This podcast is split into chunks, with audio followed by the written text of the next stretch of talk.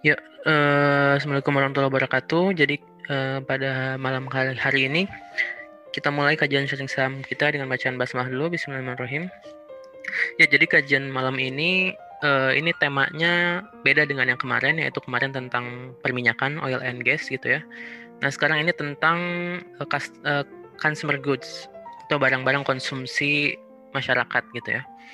Nah dari sektor consumer goods ini ini sahamnya banyak yang terkenal kayak Unilever, terus kayak S Hardware gitu ya. Terus ada juga Indofood gitu banyak.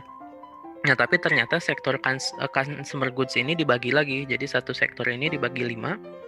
Yaitu yang pertama ada sektor ada subsektor yaitu subsektor food and beverage gitu. Jadi ini buat sektor subsektor makanan dan minuman. Nah, sedangkan subsektor dari consumer goods yang kedua adalah tobacco atau rokok-rokokan gitu ya. Terus yang subsektor ketiga ada farmasi jadi industri farmasi obat-obatan itu masuk juga consumer goods.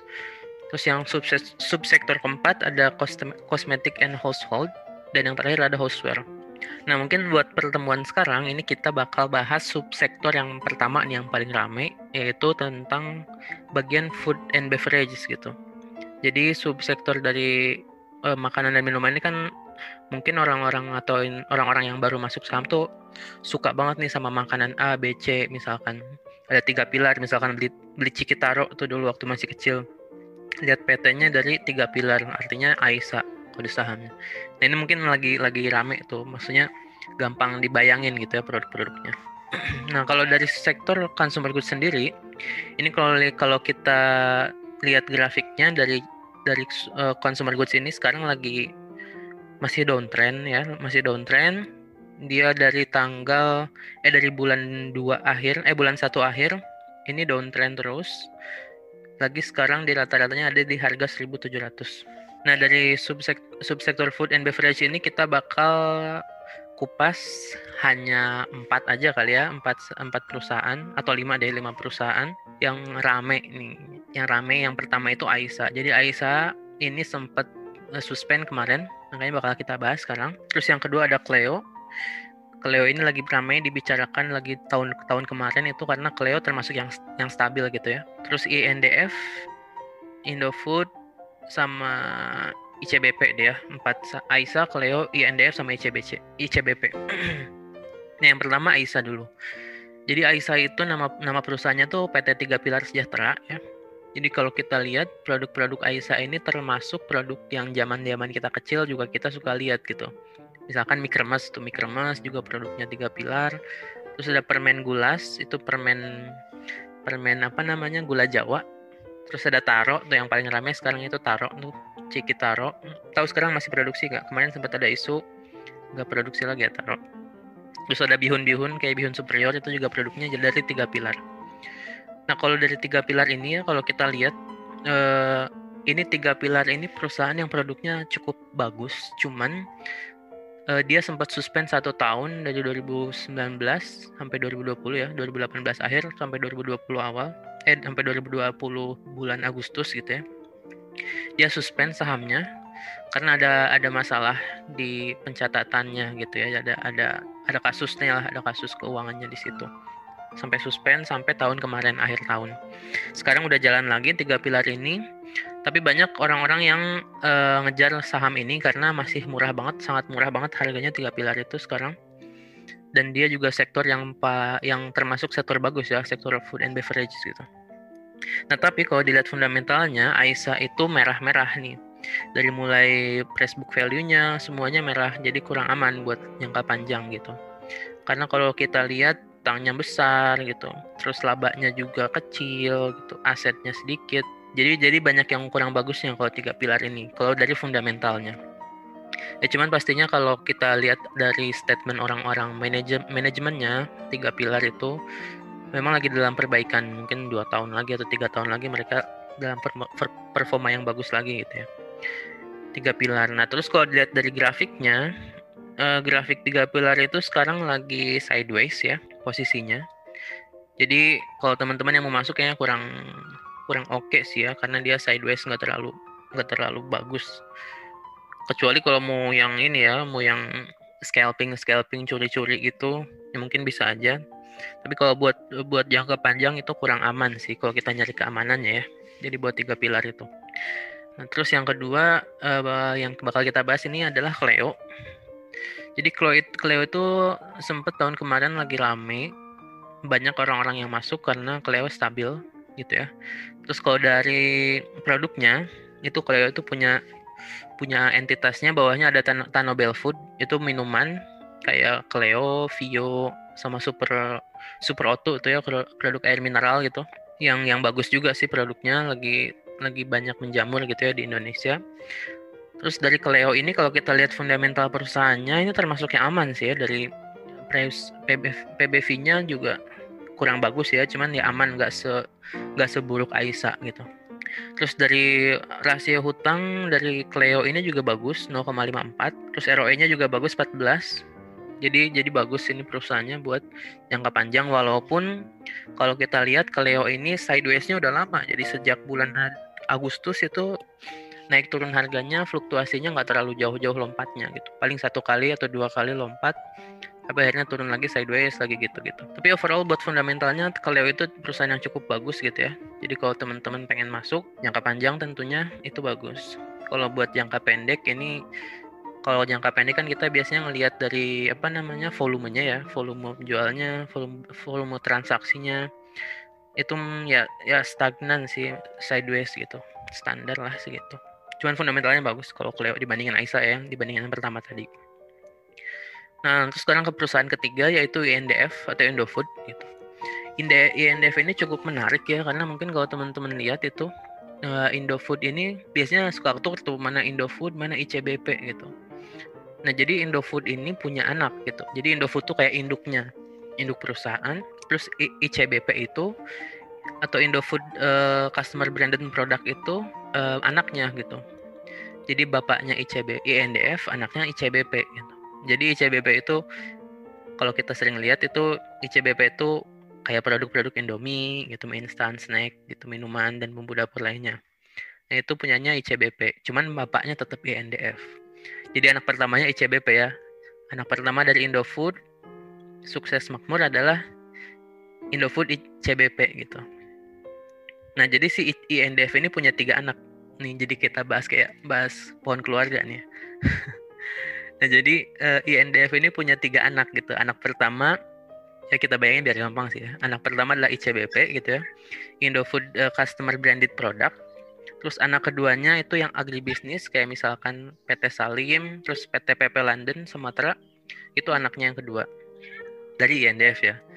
Nah, anak ketiga dari INDF adalah perusahaan-perusahaan distribusi, perkapalan, dan pengemasan barang gitu. Jadi si INDF itu anaknya tiga gitu.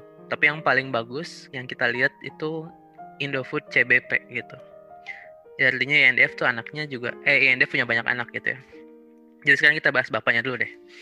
Nah, bapaknya ini kalau kita lihat INDF ini eh shareholdernya gitu ya, shareholdernya itu atau pemegang saham INDF ini banyak nggak banyak kalau INDF cuma dua gitu ya yang satu perusahaannya punya Salim Bapak Salim mungkin teman-teman ada yang kenal gitu ya jadi Pak Salim ini dia juga mendirikan perusahaan di Hong Kong ya perusahaan investment gitu Nah, yang yang pemilik INDF ini adalah perusahaan itu. Ya, tapi dia 51% eh, itu punyanya perusahaan itu dan sisanya punya publik. Jadi eh, termasuk yang punya banyak anak ya INDF tuh walaupun kalau kita bandingin performanya itu lebih keren ICBP ya kalau nanti kita bandingin deh nah kalau INDF ini PBV-nya bagus sekarang lagi lagi murah gitu ya kalau lihat laporan terakhir itu PBV-nya 1,3 jadi masih under value ROE-nya juga bagus, PR-nya 11, DR-nya 2. Jadi DR sama PR-nya standar lah ya, kurang bagus.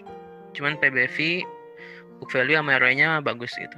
Itu buat INDF nanti kita bahas lagi ya selanjutnya. Nanti kalau teman-teman ada pertanyaan juga tinggal uh, raise hand aja di Zoom ini nanti langsung kita diskusi kalau ada yang kurang atau ada yang mau ditanyakan. Terus kalau INDF dari dari jenis grafiknya gitu ya kalau kita lihat daily chartnya itu sekarang lagi lagi sideways jadi dia baru kemarin baru downtrend terus sekarang lagi gerak-gerak di atas dan di bawah garis MA jadi masih sideways kalau INDF itu. Jadi kalau pengen beli itu kita masih bisa nunggu 2 sampai 3 hari lagi mungkin ya karena MACD-nya ini belum bertemu, belum golden eh belum dead cross juga nih. MACD-nya. Jadi kita masih nunggu sih. Karena MACD-nya masih mengarah ke dead cross dulu. Jadi buat NDF kalau yang mau beli sabar-sabar dulu ya. Gitu ya NDF. Terus buat uh, eh, ICBP sekarang ya kita bahas ICBP anaknya. Jadi yang produknya ada Indomie, Popmie, terus snack dan minuman, ada bumbu dapur juga gitu. Nah ICBP ini termasuk yang bagus gitu ya. Kalau lihat dari produknya gitu. Karena salah satu yang menarik investor buat beli saham kan biasanya dari produk ya bisa ditanamkan produknya dari kecil akhirnya pas sudah besar si investor itu wah impian banget nih punya saham Indomie gitu misalkan. Makanya dia beli ICBP nah kalau kita lihat ICBP ini termasuk yang banyak dikenal di kalangan orang-orang. Cuman kalau dari ICBP itu fundamentalnya price book value-nya udah besar gitu udah nggak under value lagi. Jadi kalau ICBP ini book value-nya 3,7 gitu. Dia termasuk yang kurang bagus. Uh, eh, DR PR-nya juga 2 PR-nya 19 jadi kurang bagus. Cuman ROE-nya bagus gitu buat fundamental jadi buat jangka panjang standar sih ya maksudnya kalau kita mau fundamental ke ICBP boleh masuk cuman lebih aman di INDF berarti ya kalau dari fundamental nah sedangkan kalau dari teknikalnya dari teknikal ICBP itu teknikalnya bagus banget sekarang. Jadi sekarang udah eh, MACD-nya udah golden cross, artinya dia bakal masuk ke fase uptrend. Dan stokastiknya juga udah golden cross juga, masuk ke uptrend juga. Terus kalau kita lihat pakai analisis teknikal yang moving average itu juga udah ngebreak uh, MA8 1321. Jadi udah ngebreak MA MA yang kecil gitu udah bagus buat beli buat teknikal. Nah terus uh, untuk teman-teman berarti yang mau beli ini kalau pakai metode teknikalis itu kalau pakai metode teknikal itu bagus nih sekarang lagi posisinya buat dibeli. Cuman kalau beli pakai metode fundamental buat jangka panjang itu lebih aman. Kalau tadi kita lihat skornya lebih aman di NDF ya di uh, Indofood. Nah mungkin sampai sampai sini mungkin teman-teman ada yang mau ditanyakan atau mau disampaikan langsung raise hand aja atau enggak langsung chat aja ya. Nah, sekarang mungkin kita bisa hmm, nambah-nambah apa ya, nambah-nambah informasi. Tadi tadi kita lihat dari saham pertama atau perusahaan pertama itu ada Aisa. Jadi Aisa itu yang paling beresiko sih ya kalau buat saya gitu. Karena dia baru suspend setahun lebih suspennya coba. Terus juga pasti buku-buku keuangannya lagi merah-merahnya gitu, lagi banyak laporan yang jeleknya gitu. Terus juga yang kedua ada Cleo, PT Sariguna Prima Tirta gitu yang jual air minum. Tadi kalau kita lihat dari dari apa fundamentalnya dia bagus, cuman dari teknikalnya sideways sideways terus gitu. Jadi kalau kita lihat dari hampir setengah tahun ke belakang itu harganya di segitu-segitu aja walaupun fundamentalnya oke okay gitu ya. Itu terus yang ketiga ada Indofood, INDF, INDF bapaknya dari ICBP gitu ya kalau kita lihat tadi fundamentalnya oke okay.